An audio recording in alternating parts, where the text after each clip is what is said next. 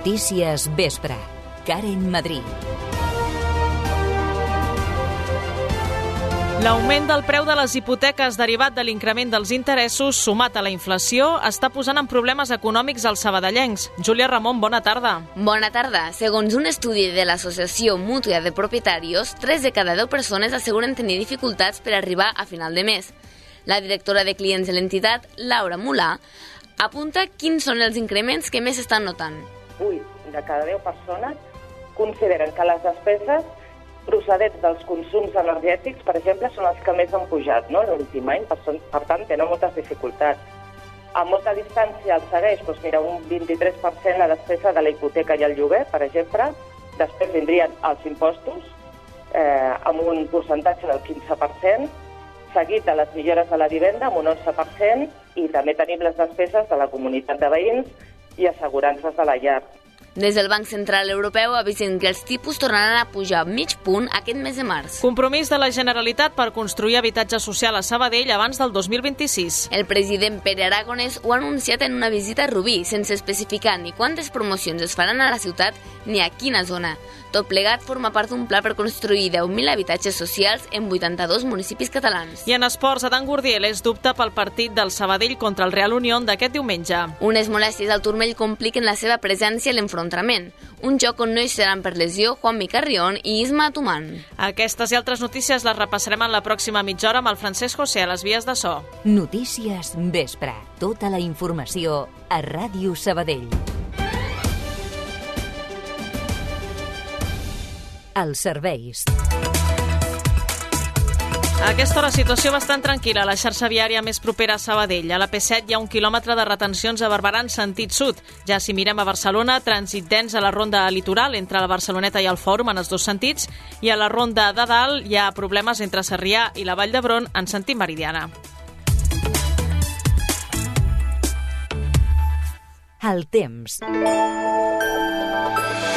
Ara mateix tenim 12 graus a Sabadell, temperatures que han pujat 6 graus des d'ahir a aquesta hora. Què hem d'esperar de cara a les pròximes hores i sobretot de cara al cap de setmana? Li preguntem a Lluís Mi Pérez. Bona tarda. Bona tarda. El que queda d'aquest divendres i tot el cap de setmana han de continuar sent de temps tranquil, estancat i amb clares diferències de temperatura entre el matí i la tarda aquesta propera nit. De fet, serà ben freda, hi haurà moltes gelades a l'interior del país, arribant fins al prelitoral o fins i tot a prop de la costa en el cas de l'Almaresme o cap a la selva marítima, però aquesta nit amb pocs núvols. Alguns es formaran cap al mig segre, aproximadament algunes boires que tindrem demà al matí de fet, però després s'aniran dissipant.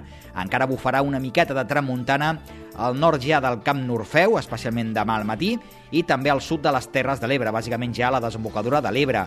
Una temperatura que demà, pel que fa a la màxima, puja, fins i tot més que la d'avui. La tarda serà molt i molt confortable, però remarquem al matí fred, amb gelades. I el diumenge una situació molt semblant, només al matí alguns núvols poc importants al voltant de les Gavarres aproximadament, també núvols baixos o boires cap al mig segre i la tarda que tornarà a ser molt agradable, amb poc vent ja i per tant un estat de la mar que serà ja força més tranquil al llarg del cap de setmana. Ho anirem seguint aquí a la xarxa. Bon cap de setmana. Els sabadellencs confirmen que estan patint els efectes de la inflació i l'augment dels interessos que s'ha traduït en un ascens del preu de les hipoteques. D'aquesta manera verifiquen les dades de l'últim estudi de Mútua de Propietarios que indica que 3 de cada 10 persones asseguren tenir problemes econòmics arran d'aquests ascensos de preus. Tinc hipoteca i m'ha afectat com a tothom. ni més ni menys. Per sort ja fa molts anys que tinc hipoteca. Ja no dec el que devia a l'inici, o sigui que per mi, assumible. Bueno, saps què passa? Que m'ho vaig arreglar. Abans de tot això m'ho vaig arreglar, perquè si no ara mateix no sé què, què, què, què, què, què em passaria actualment. M'ha pujat 200, quasi 200 i pico euros i la veritat que està sent bastant dur, clar, així del cop doncs es nota i més les pujades dels preus del menjar. M'ha pujat, a mi, eh, m'ha pujat 200 euros. Aquesta situació està obligant les famílies a fer ajustos. La directora de Multicanal i Clients de Mútua de Propietaris, Laura Mulà, ha apuntat al cafè de la ràdio d'on s'estan reduint les despeses. Estan intentant reduir doncs, les despeses de la llar. No? De totes les persones consultades, pues, el 27% assegura que si tinguessin, per exemple, que ajustar de despesa, doncs prescindirien, doncs, per exemple, de les millores de la llar. Li segueixen també les accions per reduir la factura energètica, tenint en compte que consideren que els consums energètics és una de les coses que pujat més, eh, seguit d'eliminar, doncs, per exemple, inclús la compra d'elements per la llar. No? Estem parlant de mobles, electrodomèstics, no? que abans es plantejaven i que ara ja no es plantegen. Tot i això, el professor de la UAB, Albert Sala, preveu que la tendència alcista començarà a remetre. A partir d'aquests mesos, la inflació comparada amb la inflació de març de l'any passat, com que el març de l'any passat ja era alta, doncs sembla que la inflació hauria d'anar tendint a anar, a anar reduint-se. I això, reduint la pressió als bancs centrals europeus, el Banc Central Europeu i la Reserva Federal, de, de no pujar tant els tipus d'interès. Si tot funciona normalment i no hi ha sorpreses, diria que a la llarga, eh, aquest any haurien d'haver ja eh, possibles rebaixes de tipus d'interès o, si més no, només no, no pujades. Sala assegura que, mentre el descens no arriba, les famílies més vulnerables poden acollir poden acollir-se a mesures com l'amortització de la hipoteca o l'allargament dels terminis fins a 7 anys. Encara relacionat amb l'habitatge, l'augment del parc d'habitatge social a Catalunya per part de la Generalitat inclourà una promoció a Sabadell abans del 2026. Així ho ha anunciat avui el president del govern català, Pere Aragonès, durant una visita a Rubí. Aquesta incorporació suposarà augmentar el parc social català actual en un 18%. En total, 82 municipis es beneficiaran de la construcció i la compra d'habitatges per part de la Generalitat. Per Aragonès, aquest és un pas molt important. Tenim molt clar que l'accés a l'habitatge no és un luxe, és un dret bàsic. I per aquesta raó, en els propers 3 anys, del 2023 al 2026, incorporarem 10.000 habitatges al parc de lloguer de la Generalitat de Catalunya. Una xifra que suposa, evidentment, un gran salt endavant, amb un augment considerable respecte al parc actual i que constata l'aposta decidida per donar resposta a una necessitat social més que evident. Tot i aquest anunci, Aragonès no ha especificat ni quantes promocions es faran a la ciutat ni en quines zones. La comissió de seguiment del projecte de rehabilitació de l'art tèxtil, formada per representants de l'Ajuntament de Sabadell i de la UAB, ja està constituïda des d'aquest dijous. L'òrgan s'ha creat després que l'Ajuntament hagi destinat una subvenció de 4 milions d'euros perquè la universitat reformi l'antiga fàbrica que albergarà el nou grau d'infermeria. La seva tasca principal és vetllar per l'acompliment del conveni signat entre l'Ajuntament i la UAB. La comissió està formada per sis membres, tres de cada organisme, i segons les previsions, el grau d'infermeria es podria traslladar a l'art tèxtil el curs 2026-2027, després d'una primera fase de rehabilitació de l'edifici per acollir la unitat docent. En la primera reunió, la comissió ha constatat que les accions avancen al ritme previst. L'Ajuntament ha col·locat quatre papereres amb trampes per rosegadors de diferents punts de la ciutat.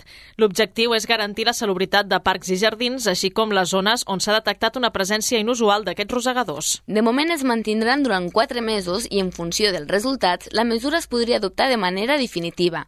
La regidora de Salut, Sònia Sada, explica per què han pres ara la iniciativa.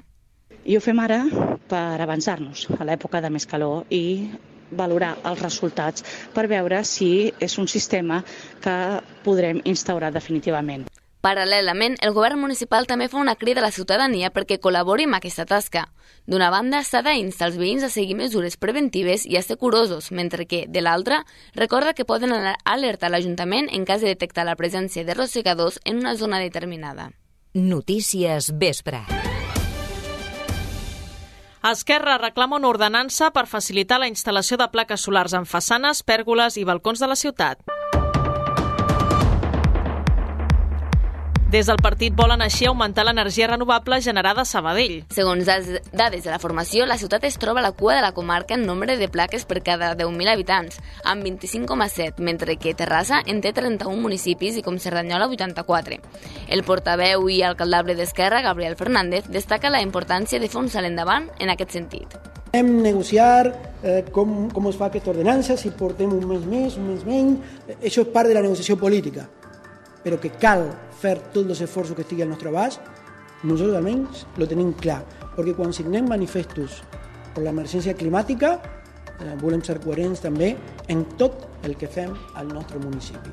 I Sabadell té camp per recórrer, només es necessita una administració que lo lideri, un govern que lo vulgui liderar de debò, val? i una societat civil. I, I quan parlo de societat civil no parlo només de les comunitats de veïns, també parlo de los empresaris d'aquesta ciutat, La proposta es debatrà en forma de moció al ple municipal del mes de març, dimarts que ve. Adela Pare... Adel Pereira i Alicia València són dos dels candidats d'Esquerra Unida i Alternativa que ocuparan una de les primeres posicions a la llista electoral encapçalada per Gabriel Fernández. L'alcaldable republicà ja va anunciar fa uns dies que incorporava Esquerra Unida i Alternativa al seu equip per formar un front ampli de cara al 28 de maig.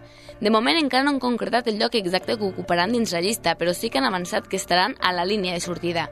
Així ho el número 1, Gabriel Fernández. Un de los candidats, segurament la candidata, ocuparà un de los llocs de sortida de la nostra candidatura. Uh, fins al dia uh, fins la setmana que ve que tenim assemblea, això no s'aprova, però l'acord que tenim signat amb ells és que ocupen un dels llocs de sortida, eh, l'altre candidat estarà dins de la candidatura, però aquí el més important no és, són els llocs, sinó el projecte que tenim.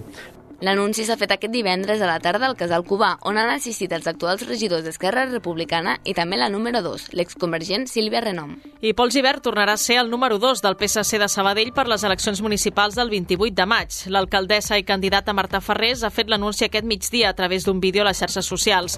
D'aquesta manera, repeteix la fórmula usada amb Adrián Hernández aquest dimarts, quan l'alcaldessa va fer públic que s'incorporava a la candidatura socialista en un lloc encara per determinar. En declaracions a aquesta emissora, l'actual tinent l'alcaldessa de Presidència i diputat del PSC al Parlament ha afirmat que la decisió ha estat consensuada amb Marta Ferrés i reivindica la figura de pont que significa tenir responsabilitats del govern, però alhora ser diputat a la Cambra Catalana. Per nosaltres és molt important situar grans temes que estan situant a nivell autonòmic no? i seguir impulsant aquesta agenda i per tant el que volíem és tenir doncs, evidentment aquesta visió estratègica que tenint a Sabadell i traslladar també a un àmbit més enllà del nostre municipi no? i també ho hem pogut fer en els darrers anys amb l'impuls que també tingut en diferents àmbits i poder també doncs, impulsar-ho, com deien, des, de, des del Parlament per aconseguir doncs, encara més infraestructures i inversions a Sabadell que són necessàries i que porten molts anys pendents. No?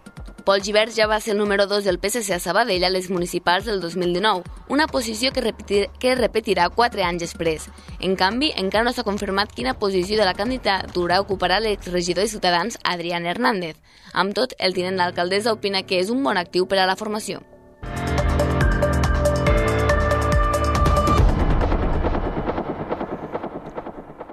Torna a escoltar aquest informatiu a radiosabadell.fm.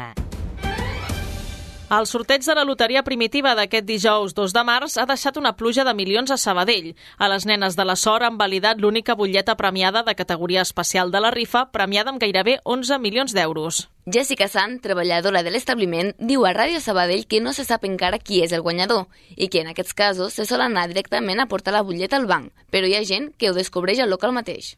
Hi ha gent que juga sempre als mateixos números i ho miren a casa o al teletexto o a les aplicacions, però bueno, n'hi ha gent que no, que no ho miren, ho fan i quan vinguin pues, la sorpresa.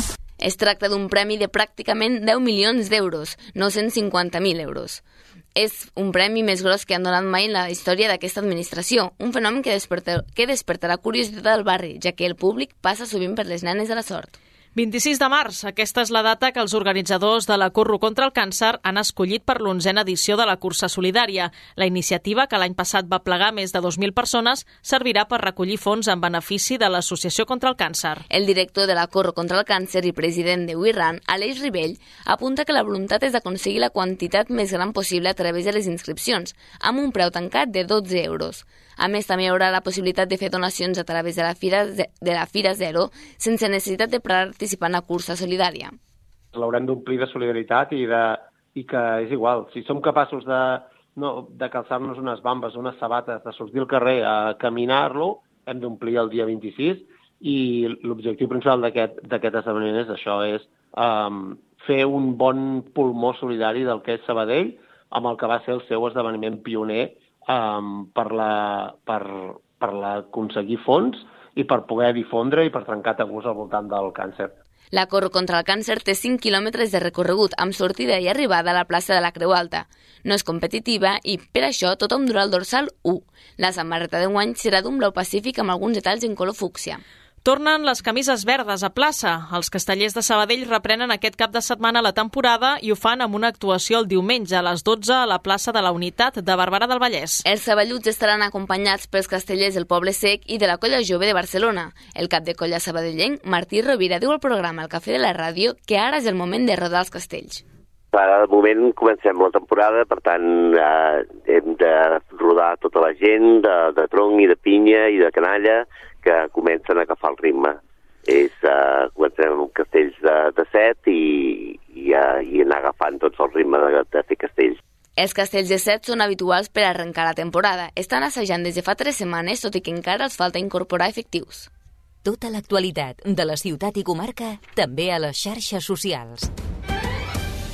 Joventut de la Faràndula commemora el seu 75è aniversari amb l'obra al Teatre dels Somnis. Es tracta d'un dels espectacles de major envergadura que ha organitzat l'entitat del calibre dels Pastorets. L'obra es podrà veure tant dissabte com diumenge i encara hi ha entrades disponibles. El Teatre dels Somnis narra la història de cinc amigues que emprenen una aventura, però damunt de l'escenari hi haurà prop de 150 persones. És una de, les representacions més voluminoses de l'entitat i una de les actrius, Maria Crozes, destaca el sentiment de germanor que han despertat amb aquesta obra tornar-te a retrobar amb molta gent que potser feia temps que no feies teatre o que no havies fet mai i, i tanta gent a la vegada, de tantes edats, doncs, la veritat és que ha sigut una experiència xula. bueno, està sent, encara ho hem d'acabar. No hi faltaran els mítics personatges de l'imaginari popular, com la Caputxeta Vermella, Peter Pan, la Ventafocs o la Blancaneus. Albert González i Arnau Solsona en són els directors i González ha assenyalat en una entrevista al matí que en aquesta ocasió també faran sortir les persones que hi ha darrere del teló. És un, com un homenatge al, al fet teatral, el que veurà uh -huh. la gent és com es munta una obra de teatre i estem jugant contínuament amb el que passa darrere l'escenari uh -huh. i davant de l'escenari.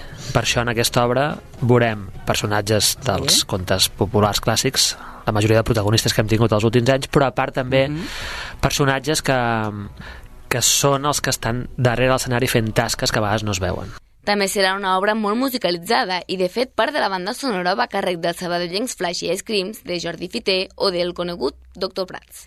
El Teatre Principal acollirà l'espectacle Maldites Plumes de la companyia de dansa de Sol Picó aquest dissabte al vespre. Un dels trets que diferencia aquesta obra de la resta és que aquí l'autora també incorpora diàleg. La por a la decadència i a la desaparició que, sent una vedet del paral·lel, és el fil conductor de Maldites Plumes. L'alma mater de la companyia de dansa Sol Picó en serà la protagonista i en una entrevista al matí ha explicat el punt fort de l'espectacle. Aquest espectacle en concret, jo penso un espectacle que connecta molt bé amb la gent que no ha vist dansa uh mhm. -huh. mai, perquè, primer perquè s'explica una història. Hi ha una, un repte nou que, que aquestes alçades de la pel·lícula m'ha paregut molt interessant admetre, que és, el, que és la paraula. Incorporo paraula, incorporo text, uh mhm. -huh. Hi ha un text meravellós, hi ha diversos textos de la Cristina Morales, que va ser el Premi sí. Nacional fa poc de Literatura, Llavors, jo crec que és un espectacle eh, que no és allò que dius, ai, és que no entès res. La funció començarà dissabte a les 8 del vespre al Teatre Principal i, com no podia ser d'altra manera, l'escenari estarà replet de plomes. Tot i tenir aquest punt de foscor, l'humor i la interacció amb el públic tan característic de Picó seran una constant.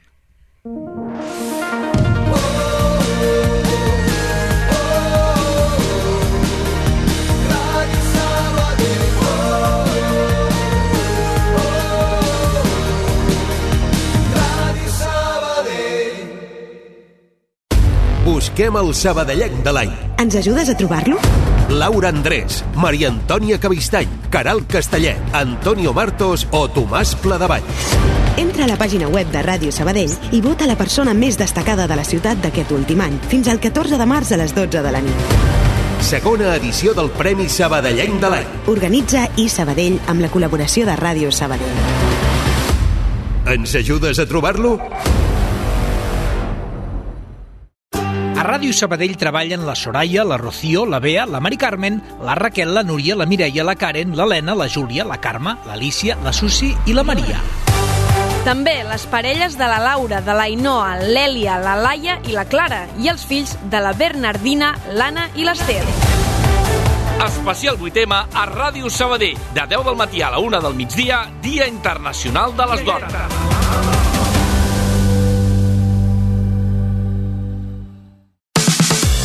Coneixes l'app de Taximés? Descarrega-te-la i reserva un taxi còmodament des de la nostra app. Més informació a taximesapp.com. Taxi! Ràdio Taxi Sabadell, el teu taxi de referència a Sabadell. Ràdio Sabadell. Notícies vespre. Fora de Sabadell i la comarca. Dris Oukabir, condemnat a 36 anys de presó pels atemptats del 2017 a Barcelona i Cambrils, complirà la resta de la pena al Marroc, el seu país d'origen. Així ho han acordat el govern espanyol i marroquí, segons ha avançat l'Espanyol. Fins ara, Oukabir complia la pena en una presó del País Valencià i en les pròximes setmanes serà expulsat de l'estat espanyol. Recordem que els atemptats del 2017 van causar 16 morts i més d'un centenar de ferits. L'Audiència de Barcelona ha anul·lat la sentència que va condemnar un home per assetjar Paula Bonet. El tribunal considera que la sentència no és prou sòlida i reclama a la jutgessa que torni a redactar-la concretant quin trastorn mental té i per què li va, li va aplicar un eximent. L'advocat de la víctima celebra la decisió i insisteix que l'acusat ha d'anar a presó.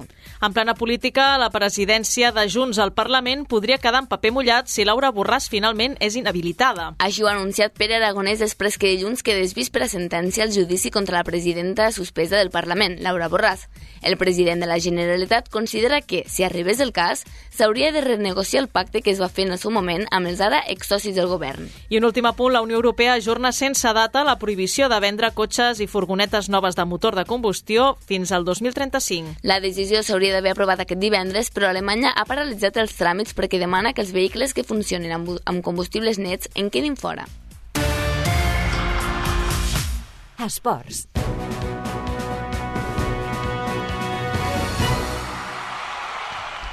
Unes molèsties al turmell de Dan Gurdiel posen en dubte la seva participació amb el Sabadell a la visita de diumenge al Real Unión. A més, recordem que Juan Micarrión i Isma Tuman estan lesionats. Els, urun els urundarràs, per la seva part, també tenen un bon grapat de baixes i diversos jugadors han passat per un procés gripal en els últims dies.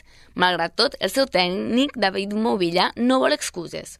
No voy a obviar la, la, realidad, pero son, son aspectos que condicionan pero no determinan. O sea, hay muchos aspectos que condicionan el rendimiento, pero ni este, ni muchos otros, ni arbitrajes, ni, ni muchos aspectos eh, determina. Por eso te decía lo que te digo antes, que yo podría aquí venir a victimizarme y tal. Creo que estaría, no estaría honrando mi, mi profesión y luego no me estaría responsabilizando. Lo he dicho más de una vez. Mientras tengamos 11 para jugar, eh, el equipo está preparado para competir. El Sabadell realitzarà demà l'últim entrenament de la no a la nova Creu Alta abans de viatjar cap al País Basc. Els de Miquillador arrenquen la jornada a 3 punts de la permanència que marca precisament el rival de diumenge. Per tot, el tècnic només contempla la victòria a l'estadi Gal. A fora de casa també podem tenir més empenta eh, sense tornar-nos bojos perquè al final doncs, la patata calenta, no? per d'alguna manera sempre va de, va de la mà de l'equip local però, però ja et dic, diumenge, diumenge sortim a guanyar el partit, 100%. Ja hem arribat a una conclusió entre tots que és la que si, no, si, si mors, doncs morir lluitant, que no anem a dir que, que morim, eh? ni, ni molt menys, però, però, però fer-ho lluitant, fer-ho fer anar a buscar el partit sense eh, desprotegir-te massa perquè no marquin un gol que podries haver evitat, però, però anem amb ganes, anem amb ganes d'aquest diumenge. Amb l'arbitratge del castellano lleonès, Fernando Román Román, diumenge a les 12 arrencarà el duel mitja hora abans a la sintonia de Ràdio Sabadell. A tot això, ja se sap quan es disputaran els 43 minuts pendents del partit suspès per la pluja contra la U de Logroñés. L'enfrontament es reprendrà el dimecres 22 de març a les 7 del vespre. I encara pel que fa a l'actualitat arlequinada, el filial del Centre d'Esports també té un duel directe aquesta setmana, però en aquest cas per ficar-se en posicions d'ascens directe a la futura Superliga catalana. El Sabadell B es desplaça a Badalona per jugar un dels partits més importants de la temporada contra la unificació en Llefià. Els arlequinats són sisens al grup 2 de primera catalana, un punt per sota del rival d'aquest cap de setmana. Marc Nomen, tècnic del filial, explica les claus del partit. Les segones voltes eh, tothom apreta, tothom vol aconseguir els, els, els objectius eh, i, i guardar els punts al, sempre i intentar remar a favor en, tots, en els partits i, i hem d'evitar situacions d'encaixar en els primers dos minuts i d'encaixar en els últims dos minuts quan se t'havia posat el partit eh, coll avall.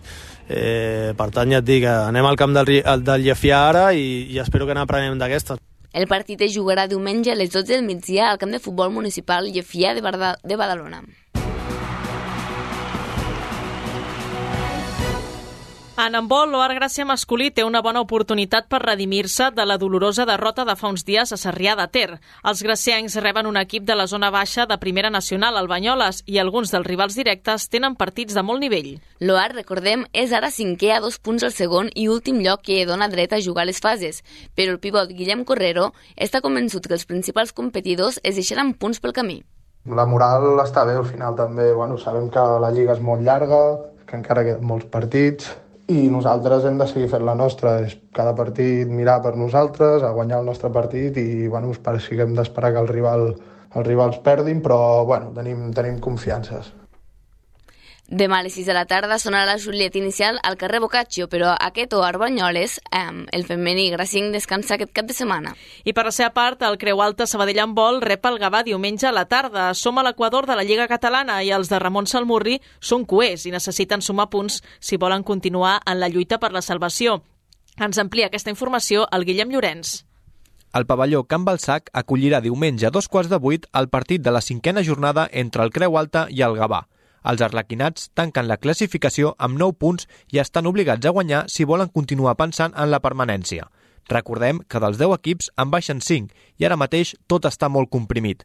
Davant hi haurà el Gavà, que és tercer, tot i només tenir 5 punts més que els creualtencs. Abans, però, es durà a terme la presentació dels equips del club en una jornada molt especial, ja que per les restriccions de la Covid l'esdeveniment no es feia des de fa 3 anys. La participació femenina pren importància tal com explica l'Albert Bosch, el seu president. Femení està sent el vector de creixement que estem tenint, que com ell qui diu, des del 2008 fins ara l'hem triplicat. Estem fent tota la línia femení, el masculí el tenim quasi duplicada i estem creixent un munt. Per exemple, el, el cadet femení que porta l'Eloi, que és el coordinador, és el primer equip que hem col·locat a Lliga Catalana amb, amb molt de temps. La presentació serà diumenge a les 6 de la tarda a Cal Balsac. Ciclisme, David de la Cruz afronta a partir d'aquest diumenge la seva tercera cita de la temporada. El ciclista sabadellenc de l'Estana disputa una de les seves proves predilectes, la París-Nissa, on hi té registrades dues victòries d'etapa. Són declaracions del mateix de la Cruz al podcast de la Volta a Catalunya, l'etapa reina. La París-Niça és una cursa que, que em va enamorar des, de, des, del primer, des de la primera vegada que la vaig fer i doncs, bueno, estic a, a uns dies d'afrontar-la un, cop de, un cop de nou i esperem que, doncs que, que surti una bona París-Niça. No? L'any passat no la vaig poder acabar degut a una mena de, de bronquitis que van patir el 50 o el 60% del pilot i esperem doncs, que aquest any doncs, no, no hi hagi cap, cap tipus d'inconvenient i, i pugui obtenir un, un bon resultat. No? Aquesta París-Nissa tindrà 8 etapes i 1.200 quilòmetres. I en futbol sala, la tornada de Borja Burgos a Can Colapi es creuen el bon moment de l'Escola Pia segona B. L'extècnic dels Escolapis i del club dirigeix ara un Manresa que és a quart de la taula, però immers en una mala ratxa, mentre que la Pia és penúltima, però per primer cop enguany ve d'encadenar dos triomfs. Marc Pagès, jugador de l'equip, considera que la tornada de l'entrenador al carrer Garcilaso pot ser una motivació extra és un al·licient més per mi. O sigui, al final ja estem acostumats a jugar a aquest tipus de partits, quan ell ja estava en natació, doncs encara més, ara està en un altre equip. En fi, el, serà un partit més, estic segur que la grada doncs, millor sí que tindrà un punt més encara de ganes d'apoyar-nos i a aquesta hora se celebra al Centre Cívic de Cal Balsac la festa dels voluntaris de la Cap d'Any Reis, un acte que serveix per fer les valoracions de la cursa popular del 31 de desembre, dos mesos després. Marxem cap allà. Sergi Par, bona tarda. Bona tarda, Karen. Sí, com deies, l'acte aquí a Cal Balsac està servint per fer balanç del que va ser una Cap d'Any Reis ben exitosa.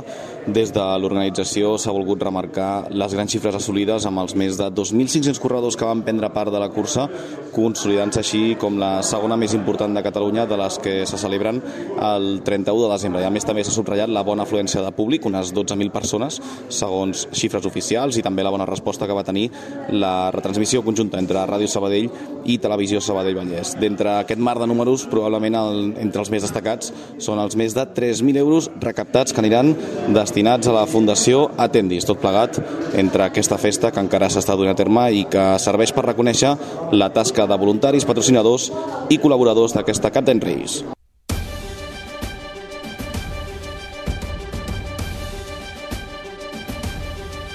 Mig minut per dos quarts de vuit, tanquem el Notícies Vespre d'aquest divendres 3 de març, recordant-vos que tot el que us hem explicat ho podeu trobar a radiosabadell.fm. Tornem dilluns amb més notícies a partir de les 8 amb el Cafè de la Ràdio, que acabeu de passar un bon cap de setmana. Adéu-siau.